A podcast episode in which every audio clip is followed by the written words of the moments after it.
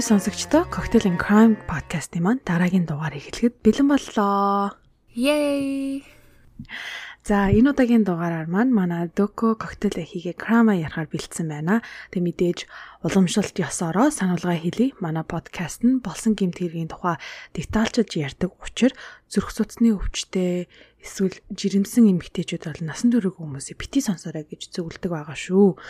За Энэ удаагийн коктейлаар ямар гоё коктейл хийсэн байна вэ? Документ. За, энэ удаагийн коктейлаар нэгэн классик коктейл хийлээ. Тэгээ хараад исэн чинь хоёлаа ерөөсөө маргарита хийгээгүй юм шүү. Хийсэн бол нэг ганц удаа л нэг хийвэл хийсэн бах тий. Тий санахгүй нь ерөөсөө бод. Харин тий. Тэгээд тойроод гүгээд байсан юм байна. Уул нь их маргарита уух дуртай. Тэгээд тэргээ ерөөсөө хийж үзээгүй юм байна. Тэгээд өнөөдөр дуртай жимстэйгээ маргарита хийж үзлээ. Ингээд манго маргарита яаж хийдэг хэдүүлээ. Сурыг. Орцонд нь болохоор мэдээж текила орно. Мангоны өтгөрүүлсэн шүс дээрээс нь одоо лайм гүүгээр мэдээж маргаритаг төсөөлшгүй тийм лаймны жуус а тэгээд сахарын уусмал дээрээс нь хийжүүлсэн ус бас хэрглэж болно. Стаканыхаа ирэмгээр давс хийдэг штэ тий. Тэгээ тэрийгэ одоо давсаа тогтоохын тулд бол лаймныхаа шүүсээр стаканыхаа ирэмгийг ингээд арчаад тэгээд давсандаа дүрж болно. А үгүй болвол хэрвээ манго жимстэй хийх чаа бол тэг жимсээ бас арчиж агаад тэгээд давсаа тогтоож болно. Стаканда давсаа тогтоочход мөсөөхийн хажууд нь коктейлийнхаа сэгсрэгчэнд бусад орцоо одоо нөгөө хийжүүлсэн мэдээж уснаас бусад бусад бүх орцоо хийгээд сэгсрээд тэгээд одоо бэлтгэж тавьсан аяган дээрээ мөстөө аяган дээрээ хийх юм аа. Тэгээд хэрвээ мангоны өтгөрүүлсэн өтгөрүүлсэн шүүс нь хитрхи өтгөн байх юм бол одоо коктейл жоох өтгөн болчих гээд байд юм байна. Тэгэхээр нөгөө хийжүүлсэн ус хийж болно гэсэн шүү дээ. Хийжүүлсэн усаа жоохон хийчихээр гой шингрээд гой болд юм байна. Тэгээд өөрөөсөө яг ямраар нь уугвал тэгээд дуртай байна. Тэгээд дуртай дуртайгаараа хийгээд уугаад үзээрэй. Маргарита ч бас гоё drink шиг коктейл шүү те. Нэрээ яагаад хоёулаа ерөөсө хийгээгүй юм бол гэсэн. Бас уух дуртай коктейлнуудын нэг штэ. Уул нь бол харин тий. Ойр дугаагүй гоё коктейл хийж өгсөн чамдаа баярлаа. За, коктейл үнэхээр амттай. За, хэрэг ямар амттай ах бол шууд хэрэгтэй орё.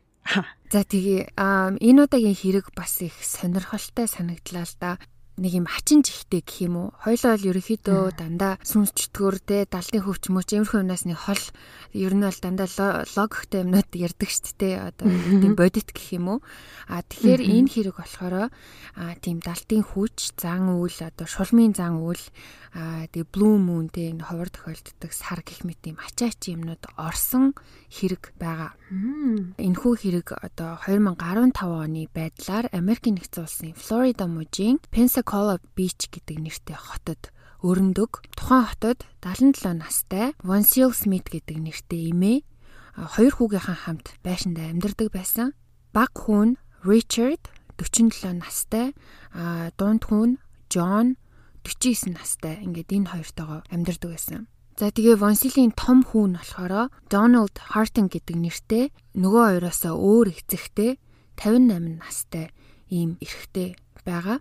Donald болохоор энэ гураас тустай амьдардаг. А гэхдээ тэдний хаус нь одоо эдний хаусаас 5 км-ийн зайтай маш ойрхон амьдардаг байсан болохоор одоо 7 хоног болгон тий очиж орж гардаг байсан.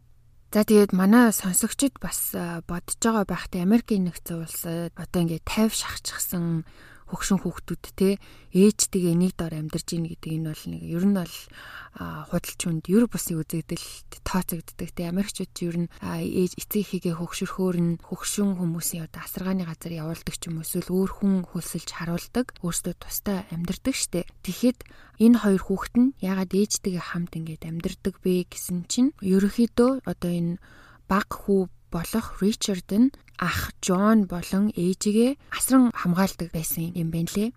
Ууг нь бол эдний гэр бүлтэй маш нормал гэр бүл байсан. Одоо ийшээ тийшээ гэр бүлээрээ аялдаг те гарч ордог юм байсан боловч харамсалтай нь одоо Вонсил хоёр дахь нөхрөө буюу хоёр хүүгийнхаа аавыг алдснаас хойш ер нь гэрээсээ гарахаа болоод маш их сэтгэлээр унсан. Эдний амьдрал ер нь ингээ оронгоороо өөрчлөгдсөн юм билээ. Hoarder гэж манайхан бас өмнөх дугаарууд дээр маш их яригдсан мэдж байгаа байх а маш их новш гэрте цуглуулдаг юм сэтгцийн өвчин болчихсон байдаг шүү дээ. Тэгээд Bonsil тэгээ Hoarder болчихсон одоо гэрээсээ гардггүй QVC гэдэг одоо Америкийн телевизийн сууг байдаг. Тэг юм зардаг одоо телевизээр юм сурчлаа тэрийг ингээд шууд худалдаа авах боломжтой байдаг. Тэр сувгаас өдөрт дор хаяж 5-аас 6 тийм пакэж тэ 6 тийм захиалга гэрт нь байнга ирдэг байсан. Тийм хуурдер болчихсон байсан гэсэн. Джон болохоор одоо жоохон оюуны бэрхшээлтэй одоо өөрөө машинаач барьж чаддгүй ийм хүн байсан. Ийм учраас одоо Ричард энэ хоёрыг асран хамгаалаад хамтдаа амьдарч исэн юм бэлээ. Вонсилийн одоо гэрээс гарах ганц шалтгаан нь бол тэ хүүгээ ажилд нь хүргэж өгөх байсан. Джон болохоор гэрийнхаа ойролцоо Walmart гэд э, дэлгүүр байдаг те тийм дэлгүүрт ажилдаг байсан. Джоныг одоо гэр бүлийнхэн нь хэлэхдээ хичнээн те биеийн том насанд явчихсан ч гэсэн бүр яг жоох хүүхчиг ийм хүн гэж хэлж исэн. Richard болохоор Homeland Security те одоо Америкийн батлан хамгаалах газар гэх юм уу те тийм газар маш өндөр зэрэглэлийн нууцлалтай одоо кодтэй ажилдаг тийм албан тушаал эрхэлдэг байсан. Үндсэндээ бол Ричард маш чухал ажил хийдэг байсан гэж хэлж болно. Тэгээ гэр бүлийн байдлын хувьд хоёр хүн аль аль нь эхнэр хүүхэдгүй ингээ ганц би ингээ гурлаа амьдардаг байсан. Том хүү Доналд нь болохоор эмнэлэгт хамгаалагчаар ажилладаг байсан бөгөөд нэг хүүтэй технэрээсээ салчихсан байдалтай амьдардаг байж. За тэгээ яагаад энэ гэр бүлийн тухай яриад байна? Энэ гэр бүлд юу болсон бэ гэсэн чинь 2015 оны 7 сарын 31-ний 5 дахь өдөр цагдаад дуудлага ирсэн. Тэр нь Ричардын ажлынх нь залгсан байсан те өнөөдөр Ричард ажилдаа ирсэнгүй. Тэгээ зүгээр хэсгийн шалгаад өгөөч. Welfare check хийгээд өгөөч гэж цагдаа дуудлага өгсөн.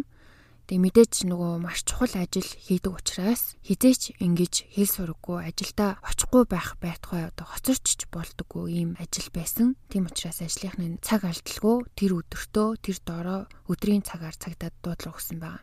За тэгээ цагдаа нар мэдээж тэр дороо герт нь очиход хаусных нь гадаа болохоор тэдний хоёр машин нь хоёулаа байсан. Хаалгыг нь тогссон боловч хинч хариу өгөөгүй. Тэгээд э, хүчээр герт нь орсон чинь гэр нь угаасаа одоо нөгөө хуурдэр юм чинь ямар ойлог байх вэ? битүү новштэй ингээд хаана юу аа мэддэхгүй дээрээс нь бүр амар халуун амар чийг даачсан үнэр танар гэж ингээд авах юм байхгүй. Аимшигын байдалтай байсан гинэ Тэгээ өрөөнүүдээр нь орж үзээд ингээд шалгаа явж исэн чинь нэг юм овоол остой хувцас хүнжил юм новшин доороос хүний хөл цухаж исэн. Тэгээ нөгөө өрөөнд нь мөн адилхан новшин доороос нэг эмэгтэй хүний гар цухаж исэн. Тэгээ харамсалтай нь одоо сонсож байгаа хүмүүс ч гэсэн ойлгож байгаа бах те тэр герт байсан хүмүүс нас барсан байсан. Тэр нь Вонсил хоёр хүүтэйгээ гурвын гуруула нас барсан байсан. Үхлийн шалтгаан нь бол гуруула толгойдоо хүчтэй юмар зохиулсан мөн хоолоогоо хэрчүүлсэн. Тэгээд Ричард болохоор толгоондоо буудуулсан байдалтай олцсон. Гэрт нь ямар нэгэн хүч хэрглэж орсон шинж тэмдэг бол байгаагүй. Ричардын машины түлхүүрээс өөр алга болсон юм бол бас байгаагүй а гэж хэлж илээ цагдаа нар гэхдээ одоо тийм амар гэрээс юм алга болоогүй гэж хэлэх бас бас хэцүү шттэ те бас гайхсан л да. Ямар ч байсан юм алга болоогүй гэж хэлж илээ. А тэгээ гэрт нь нэг цеф байсан. Тэр дотор их хэмжээний бэлэн мөнгөтэй. Тэгээ тэр цеф нь бол алдагдаагүй яг тэр чигээрээ хിവэрэ байжсэн. За анхандаа бол тэ Ричард угаасаа ингээ улсын нууцтай холбоотой чухал ажил хийдэг байсан болохоор магадгүй тэ хин нэгний захиалах таллага байж магадгүй гэд мөрдөн байцаах ажиллагаа эхэлсэн. Ер нь бол төд удалгүй ямар ч тиймэрхүү зүйл бол холбоогүй юм байна гэдгийг цагдаа нар олж мэдсэн. Яагаад тэгэхээр одоо тухайн үед болоод нэлээд урт хугацаанд Ричард ер нь тийм сүртэй хүний аминд хүрхүүц тийм сүртэй юм дээр бол ажиллаагүй байсан билээ хамгийн сүлд тэднийг одоо амьдаар нь харсан хүн хэн бэ гэд хайгаад үтсэн чинь тэдний том хүү Доналд байж таарсан. Тэгээд тэр дор нь мэдээж Доналдыг цагдаа дээр авчираад ярилцлага авсан хэлцлэхийн үед бид хэд танаа гэрийг одоо тэ нэгжиж болох уу янз бүрийн буу муу байна уу хайж болох уу гэсэн чинь Дональд тик тик гэж зөвшөөрсөн. Мэдээж Дональд бол ярилцлагын үед би ямар ч буруугүй тэ би одоо хамгийн сүүлд хоёр дахь өдөр уламжлалт ёсоор гэрт нь очиж хоол хийж өгчөөд явсан гэдэг мэдүүлэг өгсөн байдаг. За тэгээ Дональдын гэрт нь цагдаа нар ороод нэгжлэг хийхэд маш хачирхалтай зүйлсийг олсон. юу олсон бэ гэсэн чинь Дональд Вайка гэдэг шашин шүтдэг болохыг олж мэдсэн. А тэгээд тэр шашинтай нь холбоотой баахан тийм сонин сонин шулмын зан үлийн тухай ном, материал, тэ сонин сонин тийм баримлууд, чинжаал хутаг, тэгээд Ouija board тэгээд тийм сонин сатааны улаан таван хушуу энэ төр зурчихсан байсан зүйлс байсан. Тэгээд нөгөө Ouija board гэдэг бас манайхан мэдж байгаа хөтэй аим шиг кинон дээр гардаг штэ сүнстэй харилцах самбар гэх юм уу хохирогчдын нас барсан өдөр нь болохоор тэр шүн blue moon буюу одоо монголоор яг юу гэдгийг би сайн мэдэхгүй байна. Гэтэ шууд махчлаад орчуулвал цэнхэр сар те. Цэнхэр сартай өдөр байсан гэж байгаа. А тэр нь ямар учиртай вэ гэхээр ховор тохиолддог сар юм байл да 3 жилдээ ч билүүдээ нэг удаа тохиодог тийм сар. Цэнхэр өнгөтөөдөө цэнхэр сар гэж нэрлээгүй зүгээр ховор болохоор нь тэгж нэрлсэн юм бэлээ. Тэгээд тэд нэр шууд тэгж ботсон юм бэлээ. А ийм өдөр аллах болсон те гэрээр нь дүүрэн ийм witchcraft те шулам муламтай холбоотой зүйлс байна. Энэ хүний тахилд хүнээр тахил өргөсөн тийм зан үйл хийчихсэн юм байна да гэж цагдаа нар ботсон байна. Дональд бол анхны мэдүүлэгтээ би бол гэр бүлтэйгээ маш ойр дотн харилцаатай, байнга очиж хамт хоолтогоо энтер гэж хэлсэн боловч хамаатнууд нь Дональдыг одоо Вайга шүтээд эхэлсэн чинь ээж нь маш их дургуйцаад жигшиж эхэлсэн гэдгийг хэлдэг. Ээж нь болохоор мэдээж Христийн шашинтай хүн байсан учраас тэ насаараа тэр Христийн шашиндаа үнэнч байсан учраас эдний шашныг одоо сатантай холбоотой ямар нэгэн тийм далдын хүч мүч гээд ер нь бол юм муу мухай зүйл гэж ойлгоод маш дургу байсан гэж байгаа. Хоорондоо бол тэмч сүрхий дотн байха болоод удцсан штэ гэдгийг бас хамаатнууд нь хэлдэг. Дональдын хэлснээр тэр хоёр дахь өдөр болгон очиж хоол хийж өгдөг бол үнэн байсан. Тэр яг очиод хоол хийж өгчөөл тэгэл идчихэл явдаг нэг их юм сүртэй мэрдэгчгүй нэг тийм зүгээр л нэг юм хийдэг уламжлал болчихсон байсан юм байна лээ. За тэгээд ингээд гэрээс нь юм сонь сонь зүйл олоод тэр доороо шахуу цагтаа нар хэвлэлийн баг хурал хийчихсэн. Тэгээд тухайн хэвлэлийн баг хурлаар тухайн sheriff те энэ хэрэгт бол далтын хүч шуламын одоо зан үйл холбоотой гэд бүр ингээ өөртөө ихтгэлтэй ингээ зарлцсан байхгүй юу олон нийтэд. Тэгэнгүүт энэ хэрэг одоо Флорида мууж байтугай бүр ингээ Америк даяар бүр дэлхийд даяар ингээд хэвлэлээр бүр ингээ шуураад эхэлсэн гэж байгаа. Мэдээж одоо Америкийн цагтаа те хэвлэлийн баг хурал зарлснаа гурван үний хүн амны хэрэг болчлоо. Энэ нь одоо шулмын зан үйлтэй холбоотой одоо хүн болгон гайхна үсттэй тий. Тэгээд одоо энэ тухай олж мэдчихэд цагдаа нар Дональдыг дахиад байцаасан. Энэ удаа бол маш хүчтэйгээр шахаж эхэлсэн байлээ чи угаасаа вайка шүтдэг бидтэй те вайкад чинь одоо хүнээр дахиад өргөх тухай байдгийн байлээ штэ чи тэгсэн юм шүү тэгээд хүн алчаад цогцнуудын дулаахан байлгах ёстой гэсэн мэдтэй. Чи тийм ч учраас дээрээс нь баахан хувцас хүнжил энэ төр оваалсан юм уу гих мэтээр асуултууд тавьж исэн. Дональд болохоор тийм ээ те би бол Вайка шүтдгээ. Би Вайкан а гихтээ манай одоо шашинд хүнээр дахил өргөх тухай огт юм байдаггүй би бол мэдэхгүй юм байна гэж мэдүүлсэн. За тэгээ мөрдөн байцаах ажиллагаа үргэлжлээд мэдээж эн чинь 21-р зуунтэй зөвхөн иймэрхүү хийсвэр зүйл яриад байж бас болохгүй. Хүнийг э, одоо ийм үндслээр ялалж бол хизэж болохгүй шүү дээ. Тийм учраас бит нотлох баримт хэрэгтэй байсан. Харамсалтай нь мэдээж одоо эн чинь яг хэрэг гараад ганц хоёр хонжисэн учраас бит нотлох баримт одоогоор байхгүй байсан учраас Дональдыг баривчилж чадлагүй явуулсан ба. Ингээд э, оршуулгын ёслолч боллоо. Цагдаа нар ч гэсэн одоо хэрэг дээрээ ажилласаар байлаа одоо нөгөө хэрэг дээр ажиллаж исэн ахлах детектив ярилцлага өгсөн байсан. Тэр хүн хэлэхдээ тэгээ энэ хэрэг дээр ажиллах маш төвөгтэй байсан. А яагаад тэгэхээр ном журмын дагуу бит нотлох баримт хайгаад ингээд логикоор хэрэгт хандаж ажиллаа хиймээр байх чинь хэвлэлийн баг хурлаар энэ хэргийг шулмын зан үйлгээд олон нийтэд зарлчихсан учраас тэртлийн хүмүүстэй бас тэ тэртлийн мэдээлэлтэй учраа олох шаардлагатай байсан. Тэгээд энэ амир төвхтэй бидний одоо ажлыг маш их маш ихээр хоошин татчихсан гэж ярьж илээ. Хэвлэлийн баг хурлаар тэгж зарлснаас хойш Вайка шашны дагагчид одоо маш ихээр ундууцаж энэ тэндээс бас мэдэгдэл хийж тухайн шерифиг тэ Вайкагийнхнаас уучлалт гуйхыг шаардцгааж байсан. Яагад вэ гэсэн чинь одоо тэр хэвлийн баг хурал хийсэн sheriff тухайн үед албан тушаал нэр дэвших гэж одоо өрсөлдөж исэн бөгөөд тийм олон нийтэд одоо нүүр царайгаа таниулах тэгээ publicity ер нь өөрт нь их хэрэгтэй байсан юм бэлээ.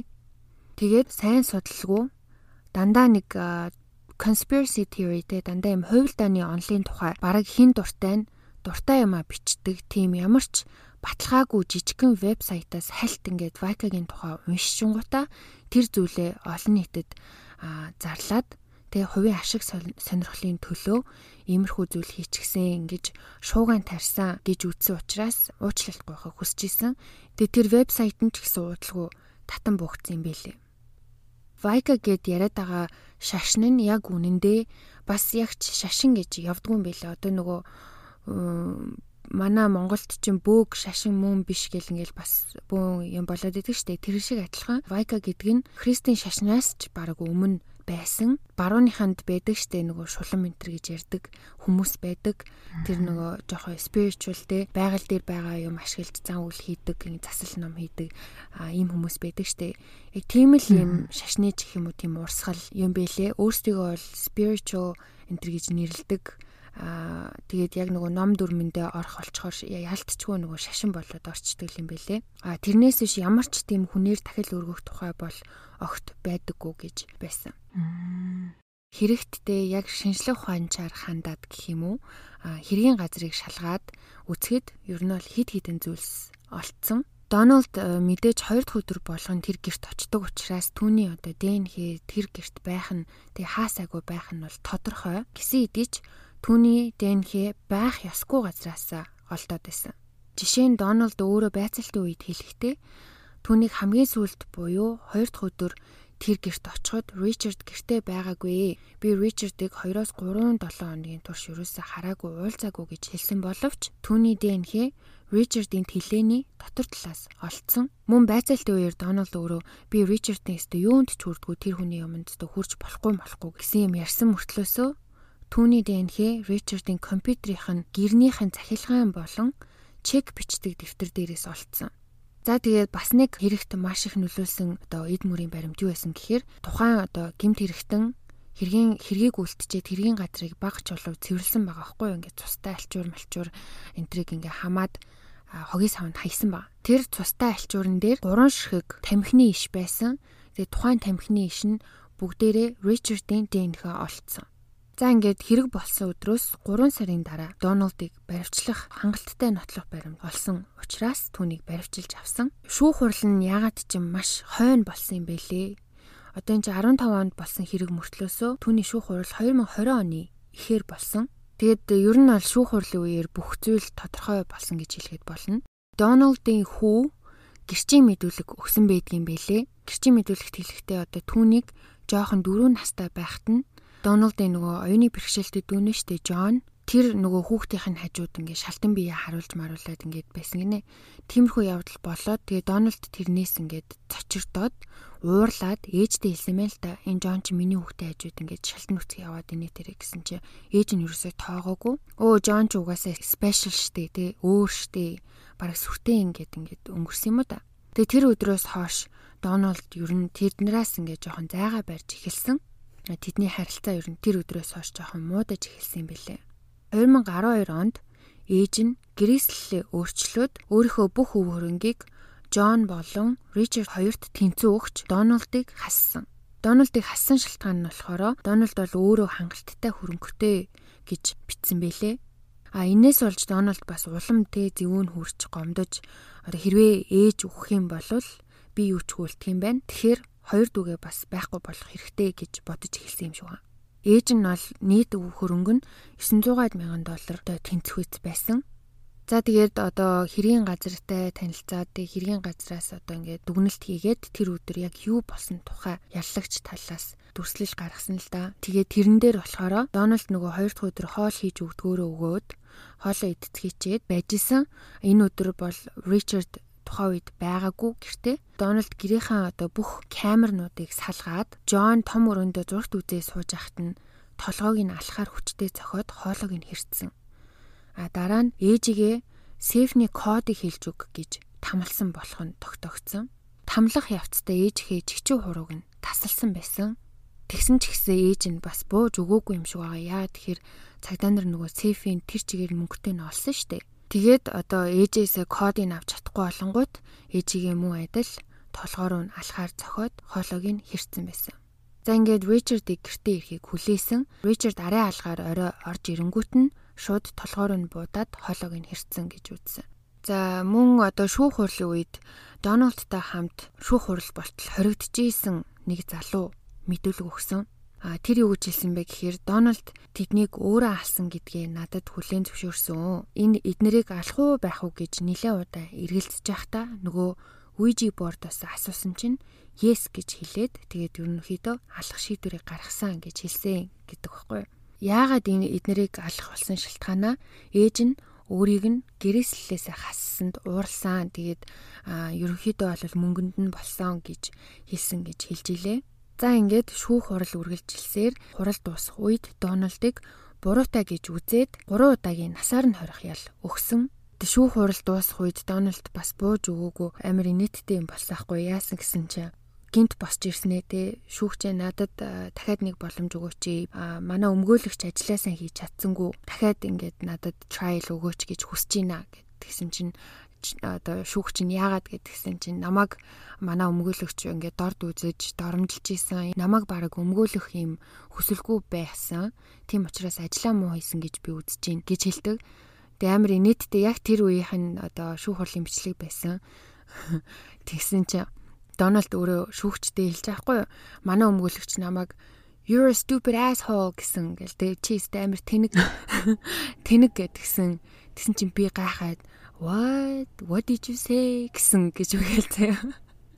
Тэгснэ нөгөөтг нь тэгсэн чинь намайг өстэй I said you're a stupid asshole гэж амар нийтдээ бараг ингээд хувийн ингээд жүжиг тоглоод Тэгсэн чинь угаасаа мэдээж те шүүгчийн ч гэсэн инээд нь хүрсэн бах. Тэгээ тэр дор нь одоо хүсэлтийг хэрэгсэхгүй болоход ялыг нь хിവэр нь үлдээсэн.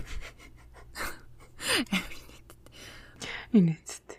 Наа чи ингээд ер нь нэрээ ерөөсөө ийм ийм одоо нөгөө witchcrafted нартэй тийм чөтгөр шулуун молонтой холбоотой хэрэг ерөөсөө ярьж байгаагүй юм шиг санагдаад ах юм. Яг урд нь бол дандаа нэг юм юу ярьж ирсэнтэй нөгөө шашинтай холбоотой. Гэхдээ яг нөгөө 100% ч юм уу 100% биш ингээд магадгүй гэсэн байдлаар ярьж ирсэн. Энэ удаа үнэхээр сонирхолтой байлаа. Ялангуяа бүр юм бидний мэдтгүү тэ ер нь хүмүүлний мэдээд идэггүй тийм сонин содон шашин урсгал гэх юм уу да. Вайка гэсэн үү. Тэ үнэхээр сонирхолтой. Тэгээд яалтчгүй яах вэ? Мотивац нь бол мөнгө байсан баг. Гэхдээ далмаар нь бас яг ингээд тэ тэр цэнхэр сар гарангуйт нь ээж болон хоёр дүүгээ далимдуулаад ингээд дахил өргөөд өөрийнхөө бас тэр одоо юу хиймдээ тэр итгэлээ илүү одоо зузааруулсан гэх юм уу? Тийм санаж тийм байна. Тэгээд гэтээ угаасаа яг ингээд нотлох баримт нь бүгдээрээ л Дональд руу зааж штэ.